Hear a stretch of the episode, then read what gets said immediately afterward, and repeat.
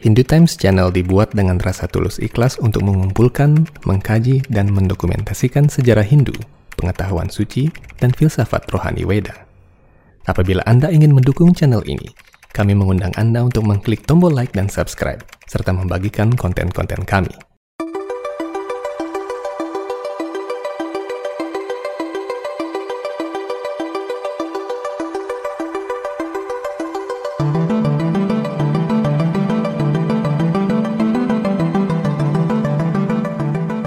Om Swastiastu. Pada zaman kolonial, orang-orang dipindahkan dari satu pulau ke pulau lainnya untuk bekerja dengan upah rendah atau tidak sama sekali. Setelah kemerdekaan dan hak asasi manusia dilindungi, orang-orang pergi dari kampung halamannya untuk tinggal di kota-kota besar atau membuka lahan transmigrasi di pulau lain. Kini seseorang bisa memesan sepiring sarapan di Singapura, lalu makan siang di sebuah restoran di Dubai pada hari yang sama. Di masa depan, semua berharap bisa pergi ke planet lain dalam waktu beberapa jam saja. Itulah salah satu rencana besar manusia di bidang teknologi. Sebuah ekspedisi besar-besaran menelusuri alam semesta, lalu menemukan tempat tinggal yang baru bagi umat manusia. Setidaknya itu masih menjadi sebuah mimpi di masa kini, namun pengembangan sudah mulai dilakukan. Saat ini, target utama para ahli astronomi adalah Mars, sebuah planet di tata surya kita yang komposisinya paling mendekati bumi.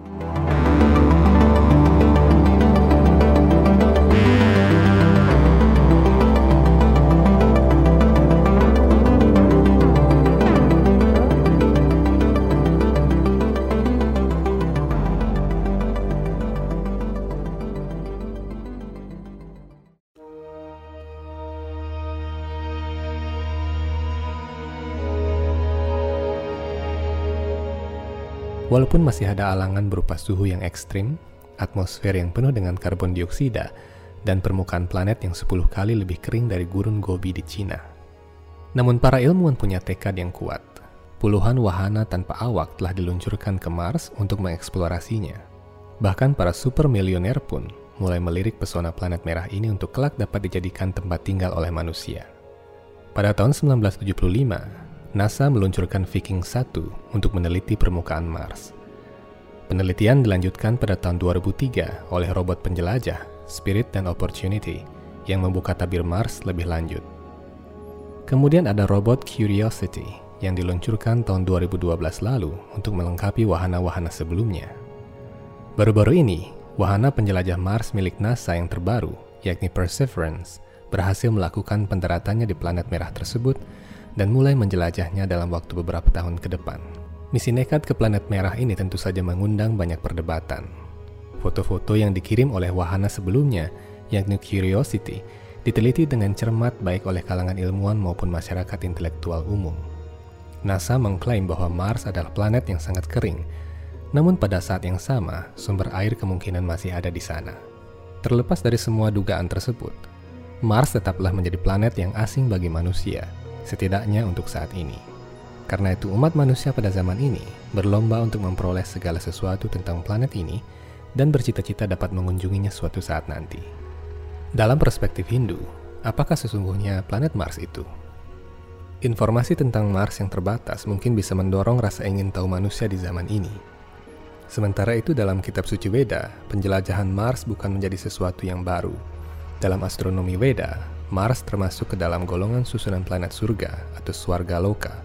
Dengan kata lain, Mars tergolong planet surga atau planet atas. Dalam Veda, Mars dikenal dengan sebutan Bhauma atau Manggala Graha. Mars disebut sebagai Bhauma karena Mars dinyatakan sebagai putra bumi. Uraian ini mungkin dapat menjawab secara teoritis mengapa bebatuan dan komposisi Mars sangat mirip dengan bumi. Kitab-kitab Jyotisa menyatakan bahwa setiap planet memiliki penguasa. Planet Mars sendiri dikuasai oleh Dewa Manggala yang berlambang sebuah segitiga atau piramida merah. Nyatanya, dari sekian banyak foto misterius tentang Mars yang diambil oleh wahana-wahana penjelajah, banyak sekali didapatkan fenomena bangunan yang berbentuk seperti sebuah piramida yang berserakan di permukaan planet merah itu. Secara astrologi, Mars senantiasa berpengaruh buruk pada aktivitas manusia. Mars membawa peperangan, penyakit, dan musibah lainnya. Lambang Boma dalam arsitektur Bali Kemungkinan diambil dari kata Bauma yang menggambarkan watak Mars yang agresif dan destruktif. Jika Mars adalah salah satu planet surga, apakah itu berarti Mars memiliki penghuni? Kitab suci Veda menyatakan bahwa tidak hanya di Mars, namun di setiap sudut alam semesta terdapat kehidupan. Bagi manusia, hidup tanpa air mungkin sangatlah mustahil, namun itu hanyalah berdasarkan perspektif manusia saja. Seekor ikan yang berada di dalam air bisa saja berpikir bahwa di daratan tidak ada kehidupan karena ikan tersebut tidak bisa bernapas di daratan. Namun menurut kitab suci Weda, roh atau atma bisa berada di mana-mana dan tidak dipengaruhi oleh keadaan udara, air, atau sinar matahari. Sesuai dengan karma masa lalunya, Atma akan dilahirkan di bagian-bagian berbeda di alam semesta dengan tubuh yang sesuai dengan kondisi di mana ia dilahirkan. Manusia bernapas dengan oksigen, namun beberapa jenis bakteri hidup dengan memakan metana. Jadi para ilmuwan sedang mencoba meluncurkan misi untuk menaklukkan surga. Ini mungkin terkesan sangat remeh dan gampangan, bahwa surga ternyata dapat dilihat dengan mata telanjang dan tanahnya bisa dikeruk oleh robot. Atau lebih parah lagi, surga adalah planet yang tandus, tanpa air dan memiliki suhu yang sangat ekstrem. Kenyataannya memang demikian secara kasat mata, namun tidak sesederhana itu. Gambaran yang diuraikan dalam Veda barangkali terkesan bertolak belakang dengan apa yang diamati oleh wahana penjelajah di planet Mars. Jika Mars adalah salah satu dari planet Swarga Loka, lalu ke mana perginya para penghuni planet Mars? Dan mengapa kita tidak bisa melihat mereka? Kuncinya adalah perbedaan kemampuan indera dan dimensi. Para penghuni planet Mars dan peradaban mereka berada dalam dimensi yang berbeda, sekalipun sama-sama berada dalam satu tempat. Sebagai contoh, seseorang sedang berada di dasar sebuah gedung berlantai 10. Alamat gedung itu sudah cocok dengan apa yang tertera di petunjuk jalan. Namun sayangnya, orang itu tidak dapat menemukan lokasi ruangan yang dicari. Ternyata ruangan yang dimaksud berada di lantai 9, sementara orang itu masih ada di lantai dasar. Orang itu masih ada di gedung yang sama, namun harus naik ke lantai 9 agar dapat menemukan ruangan yang dimaksudnya.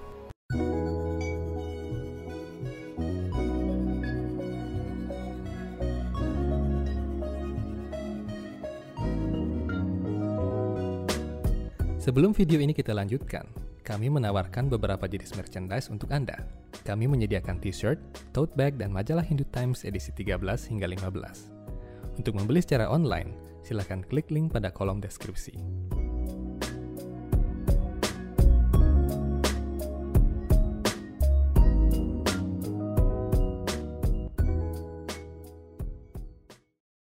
Demikian pula seperangkat wahana antariksa mungkin telah dapat mendarat di Mars namun berada dalam dimensi yang paling dasar, sehingga elemen yang dapat ditangkapnya pun hanyalah elemen kasar seperti tanah, bebatuan, logam, dan es. Seperangkat wahana antariksa bisa saja ada di planet Mars yang sama, namun untuk melihat peradaban surgawi di Mars, sebuah peralatan canggih yang memungkinkan perpindahan dimensi diperlukan agar suatu hari manusia bisa melihat gambar penduduk planet Mars yang sedang berjalan-jalan dengan kendaraan surgawinya. Dalam kitab-kitab Purana disebutkan bahwa para dewa pun memiliki ras-ras atau golongan yang berbeda. Golongan Aditya adalah dewa-dewa yang lahir dari Aditi, istri Resi Kasyapa.